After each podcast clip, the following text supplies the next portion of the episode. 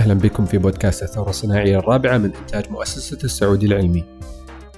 يهدف هذا البودكاست للتعريف بالتقنيات الرائدة التي تقود التغيير التقني في عالمنا بمساعدة ضيوفنا من خبراء الصناعة والأكاديميين وصناع القرار.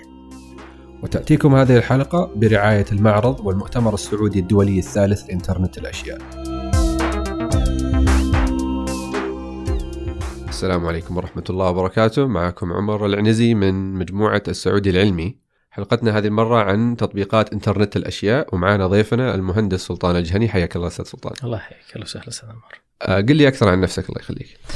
الله يحييك. آه، طبعا أنا اهتمامي في موضوع الانترنت الأشياء جاء تقريبا آه، من الدراسة بحكم تخصصي electrical engineer بعدين عملت آه، فترة طويلة في مدينة العزيز للعلوم والتقنية وكان طبعا مدينة العزيز للعلوم والتقنية أكثرها مجالها علمي بحت.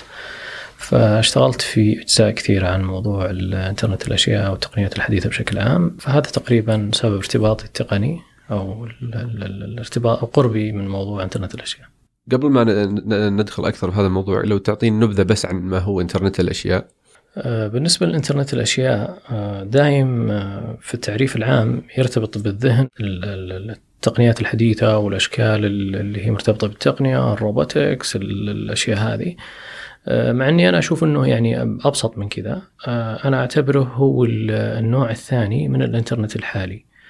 الآن حنا كلنا مرتبط الإنترنت مثلا في بيتك مرتبط في جوالك في مقر عملك الإنترنت مرتبط في كل مكان في كل مكان في وضعه الحالي. انترنت الأشياء بتكون اللي هي ال- ال- نقدر نقول ال- الجيل الجديد أو النوع الجديد من الانترنت التقليدي. فهو الأشياء المرتبطة في الانترنت بتكون أكثر بكثير من ال- الوضع العادي. فلذلك آه، قد يكون يرتبط كل ما يعني حولنا من الأشياء المادية والأشياء ال- حتى توصل إلى الحسية توصل إلى الأجهزة والتقنيات وال- وال- وال- والم- والمباني والأوادم ترتبط فيه متى ما ارتبطت الأشياء هذه بالإنترنت يصير حنا بدينا ندخل في عالم إنترنت الأشياء وتطبيقات الإنترنت الأشياء ومفهوم إنترنت الأشياء. فأنا أعبره باختصار إنه مفهوم جديد أو نسخة جديدة من الإنترنت. بدل ما يكون تقنية بحد ذاتها. إي نعم. بدل ما يكون تقنية. في بعض في حالات كثيرة شفت ناس مثلا يربطوا في التقنية إنه تقنية انترنت الأشياء. أنا ما أعتقد إنها تقنية أو على الأقل برأيي الشخصي إنه ما تكون تقنية. السبب إنه مفهوم جديد وتحته عدد ضخم كبير جدا جدا جدا من التقنيات. فأي شيء يرتبط في التقنيات هذه يكون جزء من انترنت الأشياء. جميل جدا. وحضرتك المشرف العام على مؤتمر انترنت الأشياء قل لي أكثر عن المؤتمر. إي نعم صحيح. المؤتمر انترنت الأشياء هذا تقريبا ولد قبل أربع سنوات وتحديدا هو صراحة انشتف يعني كانت من يعني مجموعة من الزملاء بحيث إنه في ذيك الفترة كان تقريبا ما فيه يعني حدث تقني ضخم في في المملكة العربية السعودية هذا واحد. اثنين في ذاك الوقت كان يعني تقريبا بداية مفهوم إنترنت الأشياء خصوصا خارج المملكة العربية السعودية وكانت داخل المملكة العربية السعودية ما كان معروف موضوع هذا. فبدينا إحنا في فكرة إنشاء المؤتمر هذا بحيث أنه يكون سنوي. آه، فبدأنا تقريبا في النسخة الأولى واستمرينا للنسخة الثانية والآن إحنا نعمل النسخة الثالثة إن شاء الله تقريبا بعد شهر بتكون النسخة الثالثة. فهي عموما تقريبا بالنسبة للحدث هذا كانت الفكرة أنه يعني يجمع بين التوجه ال- ال- الحكومي التقني والقطاع الخاص إيش اللي عنده القطاع الخاص وكذلك ال- الجامعات موضوع الأبحاث والمراكز الأبحاث وين وصلت في في في الموضوع هذا. فتقريبا حاولنا نصنع الخلطة هذه بين بين الأشياء هذه كلها. في السنة الأولى ركزنا بشكل كبير على تعريف إنترنت الأشياء. فلذلك كانت المحاور على مثلا آه، إنترنت الأشياء آه، في المنزل آه، الإنترنت في إنترنت الأشياء في المصنع في, في فأخذنا القطاعات على أساس أننا نعرف تعريف ثاني. النسخة الثانية كانت تقريبا أكثر الموضوع التقنيات نفسها يعني مثلا الذكاء الاصطناعي ال blockchain ال cyber security فكان يركز عليها كذا. النسخة الثالثة لا زالت بنفس المحاور تقريبا لكنها بتظهر أكثر موضوع ال ال ال الأبحاث ال- ال- القطاع الخاص إيش اللي عنده. ولو نلاحظ إحنا من سنة لسنة عندنا فوارق كبيرة. يعني أقدر الآن أقول بعد بعد تقريبا ثلاث سنوات أقدر أقول إنه يعني خلق القطاع هذا عندنا والآن موجود ناضج آه، بشكل كبير. ذكرت لي بعض الأمثلة على مثل تطبيق إنترنت الأشياء في صعيد المنزلي مثلا أو الصناعي. آه في عندك أمثلة أدق من كذا بحيث المستمع يعني يكون عنده وعي بمدى نفوذ هذا المجال.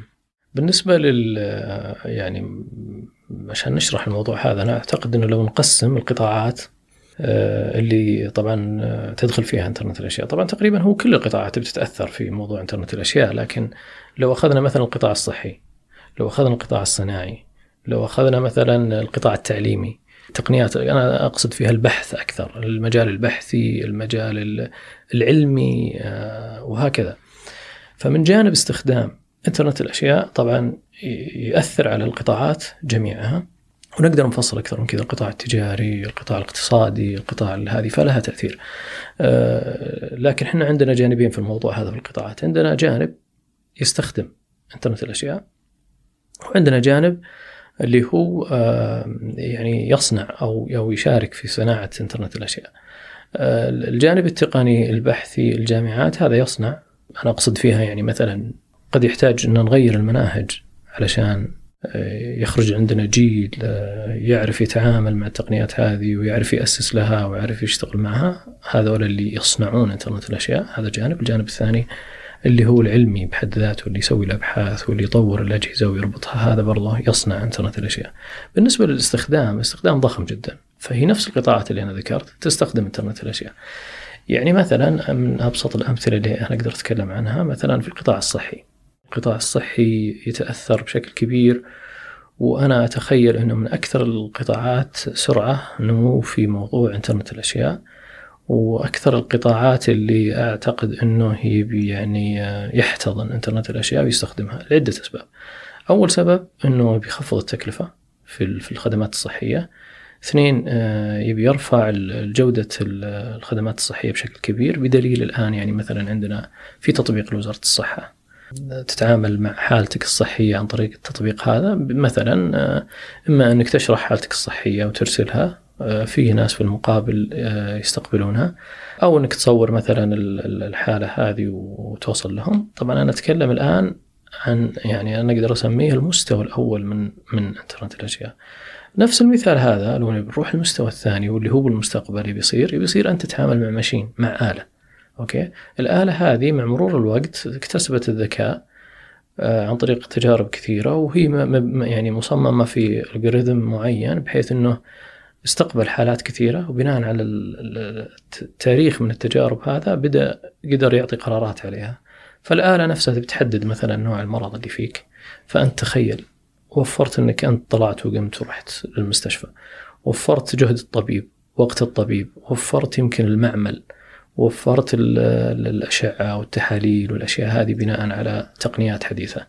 فهذا لذلك الجانب الصحي أنا أشوف أنه بي يعني بيتبنى آه، تطبيقات الاشياء بشكل كبير. فهذا مثلا أقرب مثال تقريبا. لو رحنا للمستشفيات تبي تلاحظ مثلا الحساسات في كل مكان تجمع معلومات المعلومات هذه أستخدمها أنا آه، يعني امنيا أستخدمها تتبع حالة المرضى أستخدمها حتى في أي قرارات أقدر أتخذها. ممكن إني أستخدم البيانات هذه كلها. وتتخذ فيها قرارات. هذه بالنسبة للمستشفى نفسه ومستشفى للمريض. الجانب الآخر اللي ممكن أستخدم المثال هذا الساعات الصحية هذه اللي الان موجودة عندنا. هذه آه، تجمع بيانات ومعلومات في يومنا. مثلا الحين عدد الخطوات ممكن في بعضها وصل إلى درجة الحرارة حرارة جسمك معدل ضربات القلب آه، شيء زي كذا. في level ثاني أعلى يبلغ عن حالتك الصحية يطلع تقرير يتواصل مع طبيبك ممكن. فهذا level أبعد عن حالتك الصحية اليوم. في مثال بعد أنا أحب أذكره فيه حادث صار لشخص كان يلبس ساعة Apple Watch هذه وكان هو مسوي ال setting حق الطوارئ هذا. فهو طبعا يركب دبابة. فماشي في الطريق وصار عليه حادث فجت للساعة ضربة آه، قوية جدا. الساعة مباشرة بلغت عن الحالة هذه. طبعا هذه حالة واقعة ما أتكلم عن شيء مستقبل بعيد. بلغت عن الحالة وباشرها الإسعاف وهذا. فأنا يعني هنا يسمح للواحد إنه يتخيل إنه كيف ممكن إنترنت الأشياء والتقنيات الحديثة تخفض تكاليف ترفع مستوى الأمن. ردة الفعل تكون سريعة مباشرة الحالة مثل اللي ذكرنا هذه تكون عالية جدا. الطبيب مثلا وانت جالس في بيتك الطبيب يعرف حالتك الصحية. قد تكون عنده مؤشرات معينة يقدر يتخذ فيها قرار يغير نوع العلاج حقك بناء على تحركاتك أو بناء على الداتا اللي جت. فهذه كلها عندنا القطاع الصحي الآن عشان كذا أنا أراها أقرب. كذلك القطاعات الأخرى مثلا الصناعي يعني. الصناعي الآن إذا قلنا الآن المصنع التقليدي مثلا لو قلنا إنه في خط إنتاج معين. آه، يشغل الخط هذا آه، نقول يمكن 20 شخص. ممكن تبدأ تقنيات انترنت الأشياء تبدأ تدخل على الخط هذا وتقلل العدد هذا أو يعني ما نتكلم عن إنه والله الروبوت يجي. هذا جزء لكنه يمكن ما يكون شيء قريب. لكن أنا أقدر أتكلم عن إنترنت الأشياء مثلا أنا أركب حساسات معينة على خط الإنتاج هذا ومن هنا أنا قاعد أجمع بيانات. بيانات الأشخاص بيانات المنتج حقي بيانات الآلات حق اللي موجودة في المصنع. جمعي للبيانات هذه يسمح لي بإني أحللها وأعرف إيش الحالة، متى انخفض عندي الإنتاج، متى الموظف ذروة التعب والجهد عنده وهكذا. في البيانات هذه أقدر أنا أحللها وأتخذ بناء عليها قرارات. القطاع المكاتب والأعمال والتجاري نفس الشيء تنطبق عليه كلام، القطاع التعليمي نفس الشيء. ممكن يستخدم فيه. طبعا وبالإضافة إلى المنزل واللي هو على المستوى الشخصي يعني البيوت الذكية وال هذه كلها مرتبطة بتقنيات إنترنت الأشياء وتعمل فيها. والبيوت الذكية أتوقع هي أول مثال يذكر آه، يعني يطرى على بال أي شخص لما يسمع كلمة إنترنت الأشياء، لكن واضح في غضون الفترة القصيرة اللي بدأت فيها المنظومة هذه. بدأت تنتشر وتتوسع على نطاق مدن وحتى دول. إذا ما إذا ماني غلطان بدأ الآن تدخل في مجال الترحال والتنقل أيضا زي الطيران والنقل العام وما إلى ذلك فقريبا على هذا الرتم ممكن تشمل جميع المجالات الحياة مو بس الصحية صحيح. والصناعية بشكل محصور. صحيح أكيد أكيد جدا آه طبعا هو لأنه لأنه طالما إنها تخفض ترفع الجودة وتخفض التكلفة السببين هذه لحالها كفيلة بأنه كل القطاعات تتبناها وتبدأ تستخدمها. هذه هذا هذا هذا شكل تقريبا انترنت الأشياء والتقنيات الحديثة. بيتضح آه، كلامك اللي هي زيادة الإنتاجية وتقليل التكلفة في ينعكس هذا الشيء في السوق العالمي. إن الآن انتر... الاستثمار في إنترنت الأشياء وصل إلى 100 مليار دولار أمريكي. ويتوقعون أيضا أنها تصل إلى تريليون في غضون أربع أو خمس سنين من الآن من تسجيل هذه الحلقة. صحيح صحيح. بالنسبة للأرقام عاد هذا شيء كبير جدا. آه، من جانب آخر أتفق معك 100% من ناحية القيمة. لكن من جانب آخر الآن لو نحسب حنا عدد الأجهزة اللي مرتبطة بالإنترنت الآن يعني آه، ممكن أن نوصل آه، تقريبا ممكن يكون حول 6 مليار تقريبا بالحدود هذه. في السنوات أتوقع يعني القريبة جدا بيتضاعف هذه الأعداد بشكل كبير. نوصل إلى يمكن 20 مليار نوصل إلى 50 مليار في فترة قصيرة جدا جدا. إحنا لو نسأل أنفسنا اليوم في السابق مثلا قبل ثمان سنوات ما كان عندنا جهاز مرتبط بالإنترنت إلا الكمبيوتر. كمبيوتر حتى ال PC. صحيح. العادي اللي في البيت. يعني إحنا السعودية دخل فيها الإنترنت 1992 من ذاك الوقت إلى آه، تقريبا إلى ال 2000 آه، بالإنترنت إحنا ما نعرف إلا جهاز الكمبيوتر. يمكن بال 2000 بدا ال iPhone يدخل. آه الآن لو نعد الأجهزة أنت على مستواك الشخصي بتلقى عندك أجهزة كثيرة بدأت ترتبط بالإنترنت. فالازدياد بشكل رهيب جدا. فلذلك تبني التغيير هذا مهم جدا جدا في فترة قصيرة. يعني أنا أشوف أن جميع القطاعات هذه المفترض أنها تبدأ في تبني إنترنت الأشياء والتقنيات الحديثة لأنه في فترة قصيرة جدا. إذا ما تبنيتها وغيرت أيا كان نوع البزنس حقك أو العمل حقك أو أو القطاع اللي أنت تعمل فيه آه، بتكون متأخر جدا آه، عن عن عن التقدم. هنا أذكر كلمة معالي وزير الاتصالات. آه، يقول إنه تقريبا في خلال الخمس سنوات القادمة على مستوى شركات التقنية. إذا ما يعني تبنوا التقنيات هذه بدأوا يعملون عليها تحديدا بعد خمس سنوات بتكون خارج السوق تماما.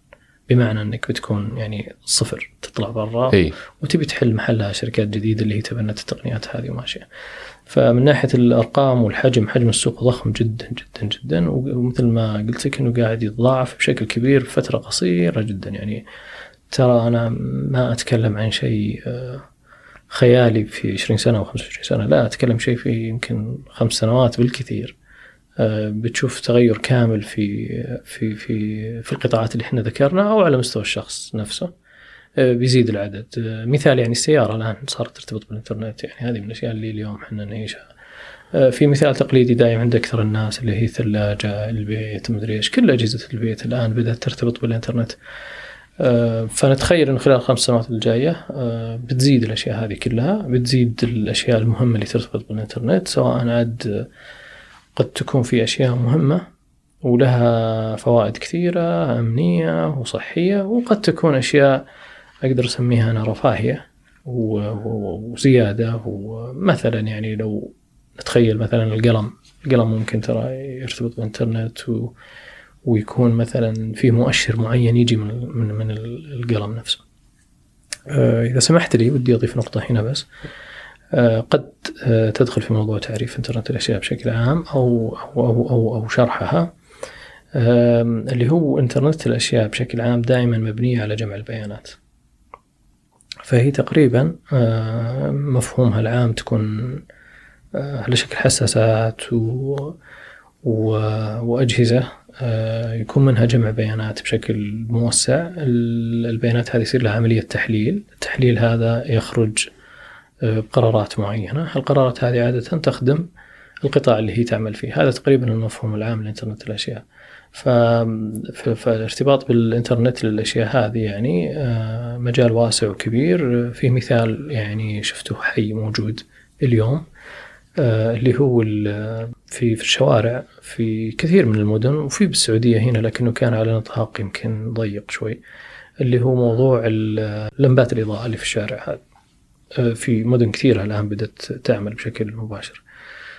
هذه صارت آه، هي اللي تجمع البيانات في الشارع هي اللي تاخذ درجة الحرارة هي اللي تجمع كل المؤثرات اللي حاصلة فيها كاميرا فيها مجموعة ضخمة جدا من الحساسات.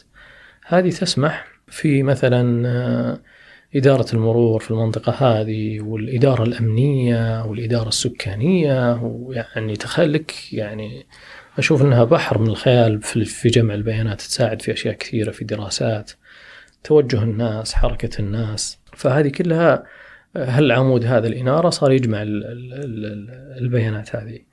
آه، بعد فترة اكتشفوا أن عندهم يعني مجموعة ضخمة من البيانات تسمح لهم باتخاذ قرارات. يعني واحد من الأمثلة لاحظوا في ساعة معينة في المنطقة هذه تكون زحمة جدا. ففي الحلول التقليدية كانت إنه حط إشارة شل مدري إيش سو ما, ما كانت كلها تخدم يعني.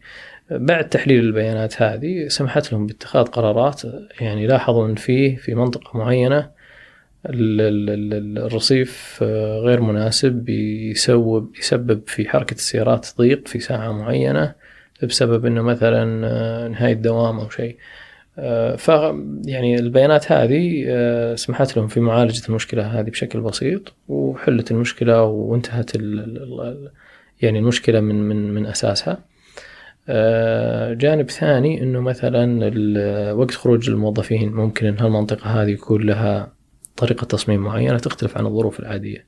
فهذه كل القرارات هذه ساعدت جت في عن طريق جمع بيانات. الشيء الثاني إن جمع البيانات عموما يعني يساعد في تحليل دقيق جدا وتظهر لك أشياء ما كانت موجودة في في الحسبان. وهنا يبرز عندنا موضوع اللي هو البيانات الضخمة. أوكي؟ وهذا تقريبا الآن يعتبر يعني علم بحد ذاته قائم جدا.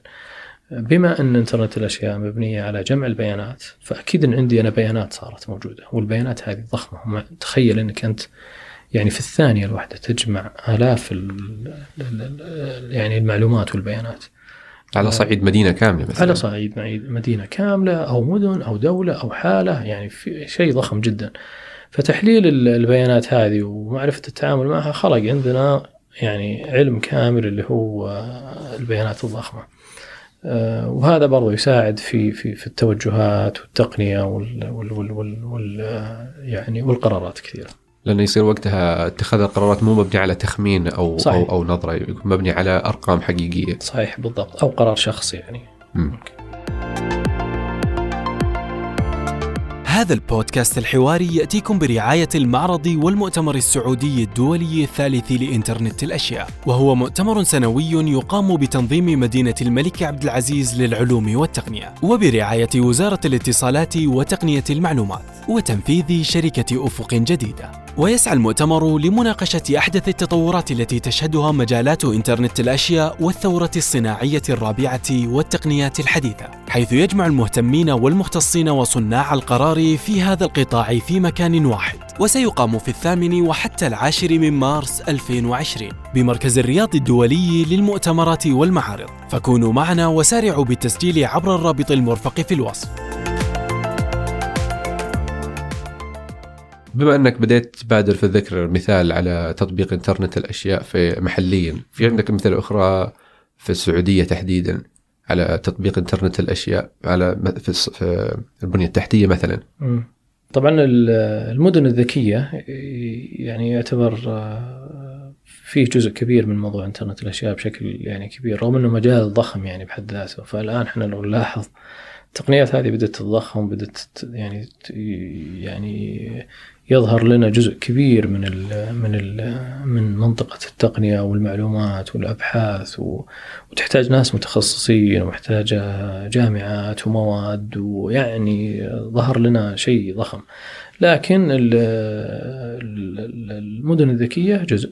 المثال اللي أنا بتكلم عنه مثلا موضوع تحويل المدن إلى مدن ذكية يبدأ عادة إما في آه، يعني آه، مجمع سكني واحد أو ممكن يكون أصغر من كذا مبنى واحد مثلا يحول إلى نظام ذكي معين آه، بالحساسات واستخدام تقنيات إنترنت الأشياء وجميع التقنيات وربطها والهذه فيعتبر عندنا البلدنج هذا ذكي مثلا. بعد كذا يصير عندنا المبنى الثاني والثالث والرابع ربطها مع بعض هذه مهم جزء لين يتكون عندنا جزء من المدينة. اللي حاصل آه، هنا في السعودية في آه، المجمع حق مدينة الملك عبد العزيز للعلوم والتقنيه آه، بدأوا في استخدام اللي هي تقنيات المدن الذكية. أتذكر المشروع كان بدايه على مستوى الشوارع نفسها اللي داخل المجمع. آه، المرحلة الثانية بتكون على مستوى البيوت والمباني الموجودة سواء المجمع السكني أو مجمع المكاتب الإدارية. آه، فهذا تقريبا مثال حي. آه، أعتقد أن المشروع الأكبر اللي هو آه، بدء تطبيق التجربة هذه على مدينة الرياض. وهكذا مثلا أنا مثلا أقدر أسوي شارع بعدين أسوي مبنى.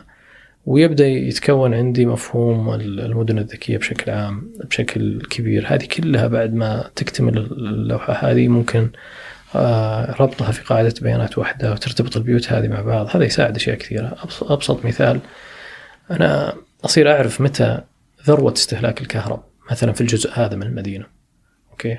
وأعرف وقد تكون ذروة استخدام الكهرباء في الجزء الآخر تختلف عن هذه. فأنا أقدر أتحكم في الكهرباء إنها تروح للجهة هذه.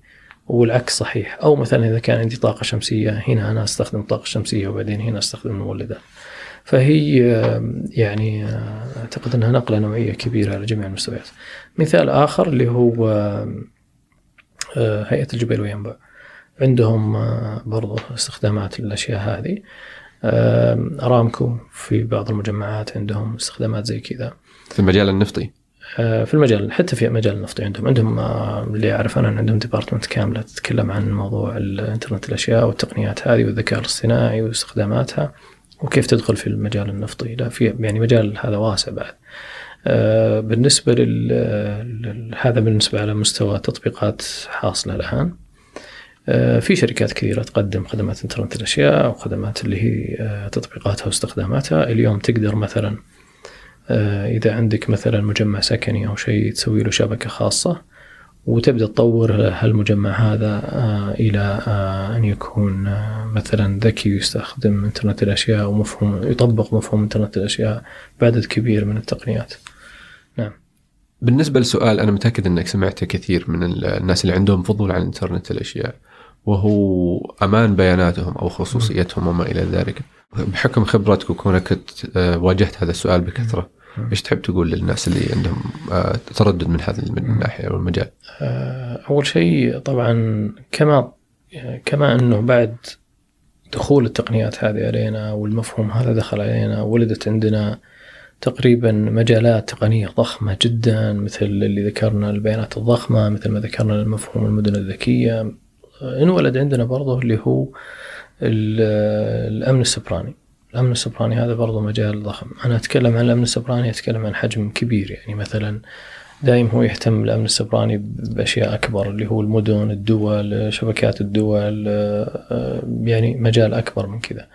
بالنسبة للهاجس اللي عند الناس دايم هم أغلب هاجس تقريبا يكون متى ما التقنيات هذه وصلت إلى الخصوصية بشكل أكبر ترتفع يرتفع الهاجس هذا والتفكير. طبعا مع وجود التقنيات هذه الحديثة كلها الأمن جالس يتطور. أوكي؟ فالأمن جالس يرتفع مع مع ازدياد استخدام التقنية. السبب لأن هنا في حاجة وطالما أن المحرك الحاجة الشركات والبزنس اللي يعملون في هذا بيبدون يطورونهم الخدمات الأمنية اللي ترفع من أمن الشخصي أو المعلومات. هذا جانب. الجانب الثاني اللي بيصير تقريبا إذا إحنا بنتكلم على مستوى الشركات اللي بتقدم آه، مفهوم إنترنت الأشياء بجميع تقنياته آه، بيكون عليها آه، يعني واجب رفع الأمن بالنسبة للبيانات اللي بيتعامل معها.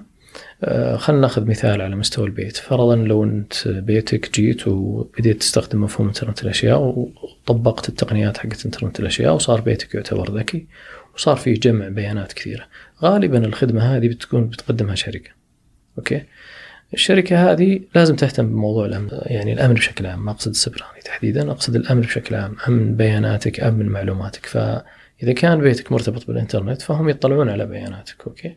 فبيكون فيه يعني فيه اتفاقية بينك وبين الشركة هذه واضحة المعالم من ناحية أمنية وسرية المعلومات وين بيحفظونها وكيف أنواع الحفظ حقها هذا هذا بينك وبين الشركة. الجزء الآخر اللي هو يحصل في الدول كلها ويحصل عندنا برضه في السعودية إن الشركة المزودة الخدمة هذه آه، بيكون عليها مقياس الأمن دائم وفي مراقبة عليها. فبالنسبة للأجهزة الحكومية التشريعية للقطاع هذا تسمح للشركات تحت إطار محدد ورقابة دقيقة على موضوع الأمن وسرية أمن الناس ومعلوماتها. آه، فأنا أعتقد أنه آه، يعني الأمن يعتبر مستوى جيد. طبعا أكيد ما حد يقدر يقول أن الأمن 100% آه، مضمون. لكن مستواه ممتاز جدا الآمن هذا جانب. الجانب الثاني أنا أعتقد أنه مرينا بالظرف هذا تحديدا على أشكال مختلفة. أنا أعتقد إنه أول ما جت الإنترنت ودخلت البيوت كان في الحاجز هذا. إنه الامن وما الامن الان صحيح. اي والآن لو نفكر ما يمكن ما في أحد قاعد يقول والله أنا بحط اللابتوب حقي في البيت أنا خايف إنه يخترق أو آمن. يعني تجاوزنا المرحلة هذه بدليل إن الآن على مستوى جهازك أنت فيه أنظمة أمنية كثيرة وحلول وتفاصيل كثيرة. آه، ولا تنسى انت أن في ترى فلتر يعني في في الجهات التشريعية وفي فلتر في الشركات المزودة لخدمات الإنترنت. هذه كلها طبقات أمنية. آه، شيء ثالث اللي أقدر أذكره أنه عادة الاختراقات الأمنية لها أهداف يعني تستهدف. آه، يعني تتحقق مصالح معينة. أحيانا في بعضها مثلا فيها مثلا business معين. زادت اختراقات معناته الناس تبي تشتري أنظمة الأمن ويصير business هذا نوع. النوع الثاني يمكن يكون تخريب ما تخريب. فلذلك على المستوى الشخصي أنا أعتقد إنه المجال ضيق جدا. جدا يعني لأنه الاختراقات هذه مكلفة ترى. والناس يعني تقضي عليها وقت وتقضي عليها جهد ومدفوع لها فلوس علشان توصل للمرحلة هذه. فلذلك ما أعتقد أن عامة الناس قد يكونون مستهدفين بالشكل هذا يعني. بدليل أنه الآن يعني ترى يمكن أجهزتنا وارتباطنا بالإنترنت يعني كشف جزء كبير. وأعتبر هذه بعد أنا أعتبرها هذه مرحلة ثانية بعد إنترنت. الأجهزة الشخصية اللي هو أو الأجهزة الذكية اللي بدينا هذه فيها إذا حنا نبي نسمي المسمى هذا اللي هو اختراق خصوصية كبير جدا. مع ذلك أعتقد أن إحنا متعايشين معها الآن بشكل جيد ولا فيها يعني ذاك التهديد في أنظمة حكومية في أنظمة تشريعية. ما أتكلم بس على الأنظمة الحكومية والتشريعيه التقنية لا بالعكس. فيه أجهزة حكومية قضائية تهتم في امن الخصوصيه والشخصية. فمتى ما كانت الأنظمة هذه كلها نشطه ورادعه أنا أعتقد أنه التجرؤ على اختراق الخصوصية الشخصية يضعف آه، بشكل كبير. طبعا بوجود العقوبات والقوانين آه، سواء من جهتين الجهة القضائية والجهة التقنية. أعتقد أنها إذا اشتغلوا هذه مع بعض تقل نسبة الأثر. التقدم التقني دائما يلحق على طول آه، شكوك وتردد لكن التقبل وال... بعد ما الناس تجرب التقنية ووفرتها يتبدد تماما. فهي مسألة أتوقع مسألة وقت لا أكثر خصوصا زي ما قلت في وجود الحاجة ووجود الاستثمار المادي. صحيح. لأن طالما إذا المسؤول عن ارتباط الأجهزة عندك بالإنترنت في المنزل هو شركة فمسؤوليتهم هي الحماية. صحيح. وبما أن حصولهم على البيانات هذه مربح لهم فمن مصلحتهم إنهم يحمونك أيضا. يستمر بحمايته طبعا وأي اختراق هذا يقلل من فرص يعني البزنس حقه فلذلك بيكون إيه. حريص عليه جدا. وأكيد إنه راح يكون في نظام زي التأمين بحيث إنه إذا صحيح. حصل لا سمح الله يصير صحيح. موجود يردون لك إيه. صحيح موجود الآن مثلا الشركات تامن على مثلا ال data center حقهم مثلا من الاختراقات وهذا في تأمين مادي وفي تأمين تقني وحمايات وهذا كله أصلا اللي إحنا نتكلم عنه الآن خلق برضه قطاع كامل آه، صارت في شركات تقدم خدمات أمنية متخصصة بالخدمات الأمنية. يعني أنا أتخيل إنه إذا إحنا وصلنا لمرحلة البيت الذكي وصار تقريبا في متناول الجميع والجميع صار بيته تقريبا ذكي أكيد بيكون في شركات متخصصة بس في الأمن. تعطيك تقارير تعرف حالة بياناتك تطلع عليها من جميع الناحية. نسبة الأمن ممكن يكون في مؤشر للأمن بالنسبة لبيتك. هل في اختراقات؟ هل في أحد أخذ أي بيانات؟ ايا كان نوع من البيانات حتى لو كانت بيانات الكهرب يعني صرفك أو بالطريقة هذه أكيد إنه بيكون في شركات تهتم بالموضوع هذا. مثل ما مرينا بمضادات الفيروسات لأي شخص إذا اشترى جهاز جديد يثبتها عليه بحيث وقاية لنفسه صح وبالمقابل الشركة صحيح. تاخذ حق الاشتراك أو ايا كان. صحيح. م. بدليل مثلا الآن في آه، أماكن العمل إذا اعطوك لابتوب يشترطون ويهتمون بشكل جدا يعني عالي جدا انه يكون عندك نظام الحماية عالي جدا. آه، تركب البرامج الخاصة وبالعكس الشركة نفسها تتكفل في إنها تتأكد من إن جهازك هذا آمن وتدفع فلوس آه، مقابل الأنظمة الأمنية وتحرص على تطويرها وتحديثها بشكل مستمر. بالعكس حتى بعض الشركات أنا شفتهم مثلا يمنع من استخدام ال USB الحالي لأنه يعتبروا هذا اختراق. فأنا قصدي إنه إذا جت الحاجة إذا صار فيه يعني حاجة عالية تبي ترتفع ال ال ال الأمن ويرتفع الأمن الشخصي على المستوى الشخصي. أي ووفره البيانات وكثرتها أجدر بالحماية الأشمل. صحيح صحيح.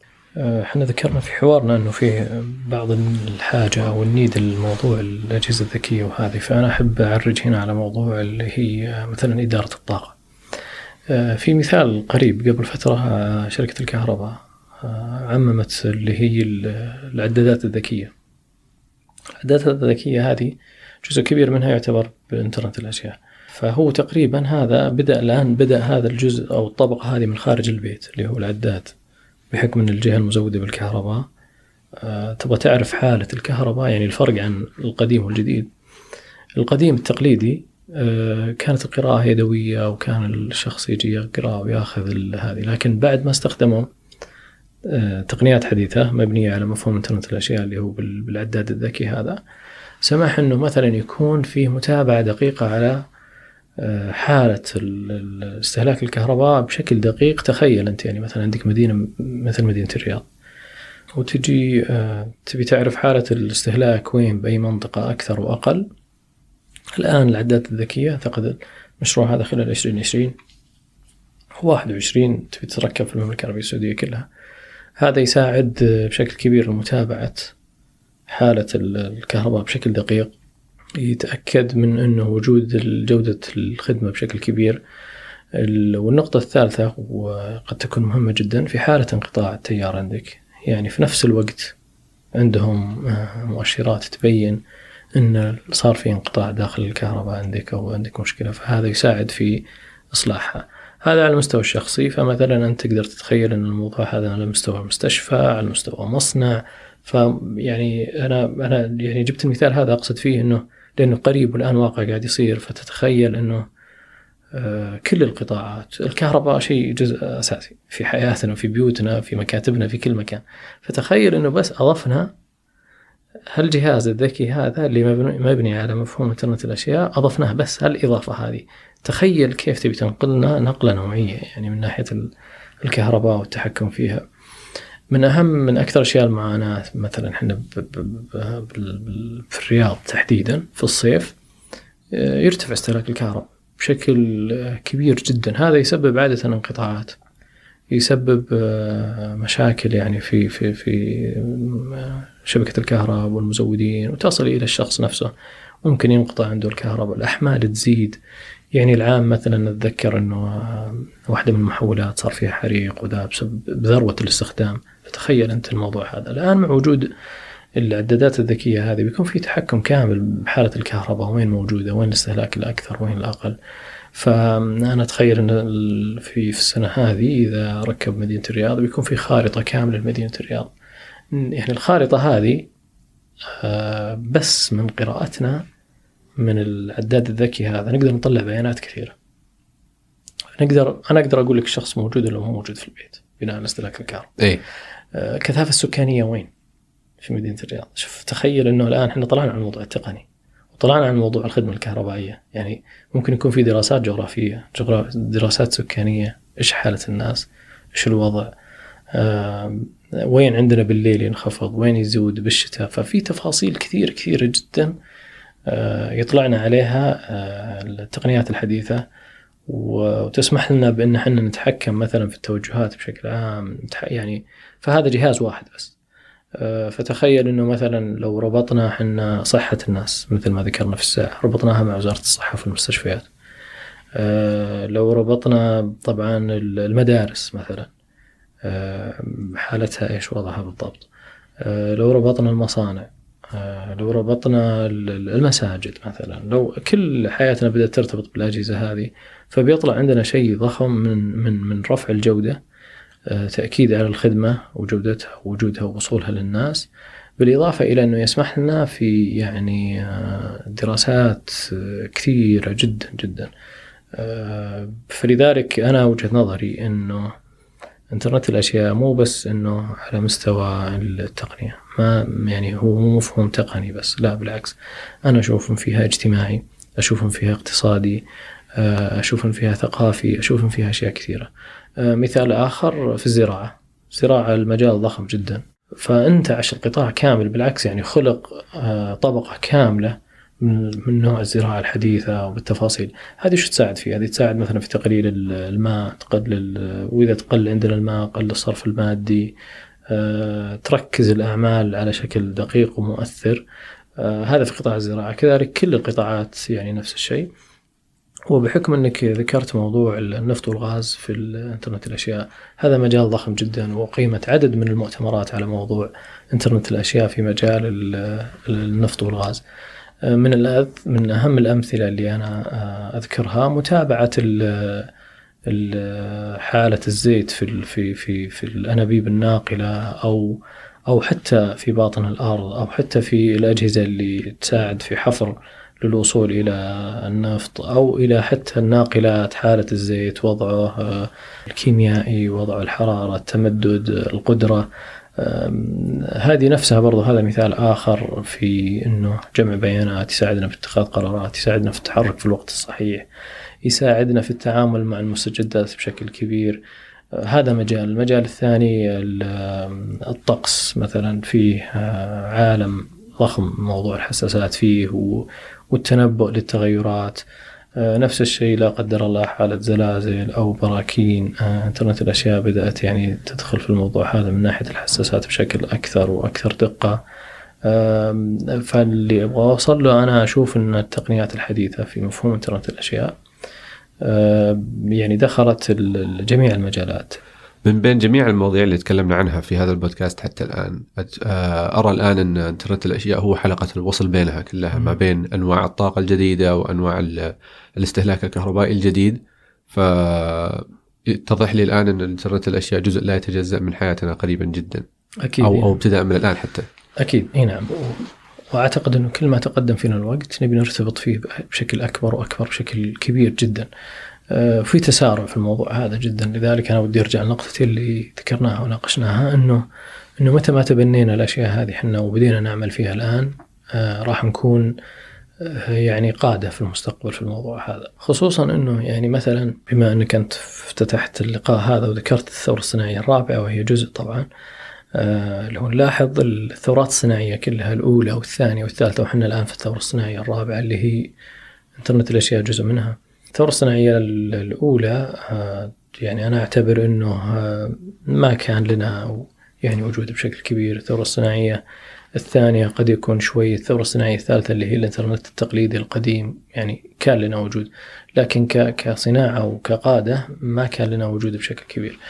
لو يعني نفكر في الثورة الصناعية الأولى والثانية والثالثة نلاحظ أنها تعتمد دائما آه، على الطاقة البشرية أكثر على العدد. على العدد. فلذلك تقدمت الدول اللي متميزين مثلا في الأيدي العاملة وكانت أعدادهم كبيرة تميزوا. الصناعة مثلا أيام الحديد والحديد السفن وهذه. هذه تحتاج آه، يعني عدد كبير من العمالة الماهرة المتخصصة. معك حق. نعم إحنا قد يكون هذا جانب ضعف عندنا بحكم الحمد لله يعني إحنا دولة فتية عددنا قليل آه، في الزمن هذاك ما كنا يعني تقريبا آه، نقدر ندخل الصناعات هذه لأن العدد وهذا شيء طبيعي يعني.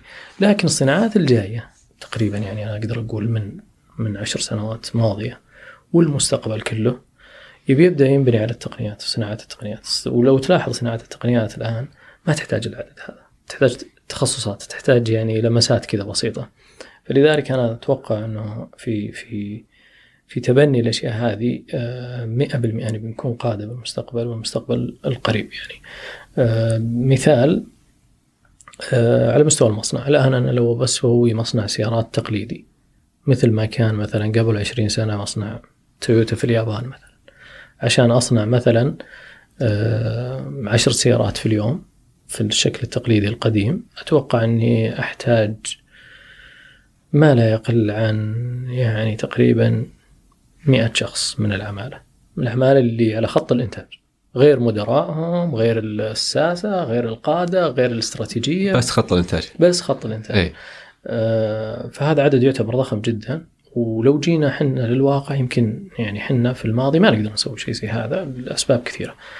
لكن لو جينا الآن للتقنيات وقلت لك إن خط الإنتاج هذا أنا أقدر أسويه مثلا في, في تبني التقنيات الحديثة الروبوت الحساسات. آه متأكد أنه عشان تشغل الخط هذا يمكن تحتاج إلى خمس أشخاص. فقط خمس أشخاص. هذا فرق ضخم جدا. جدا بالضبط إيه؟ على خط الإنتاج. فأنا وجهة نظري دائما في الموضوع هذا إنه إحنا الآن آه، في موضوع التقنيات بشكل عام إحنا نقف أمام فرصة ذهبية جدا جدا جدا لنا يعني.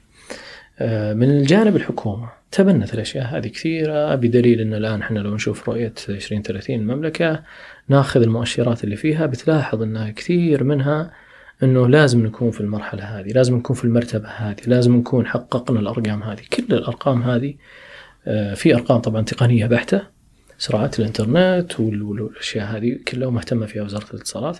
آه، الجانب الثاني الأرقام يعني جزء كبير منها يتحقق عن طريق التقنية. أوكي فأنا قصدي إنه إذا كان إحنا تبنينا الأشياء هذه بشكل مبكر الآن الفرصة عندنا ذهبية ما عاد نحتاج يعني أنا وجهة نظري إنه يعني المقاييس اختلفت تماما. القادة آه، الصناعيين في العالم اللي ماضي تغير تماما بدليل إنه الآن مثلا آه، آه، دولة مثل إستونيا ظهرت الآن صار لهم وجود قوي جدا جدا لأنهم متميزين مثلا في ال cyber security وفي البلوك تشين تقنيات وعلى فكرة في حادثة صارت لهم دفعتهم لهذه. وهي دولة يعني قد تكون يعني بسيطة بمقاييس كثيرة يعني. فظهرت قوتها.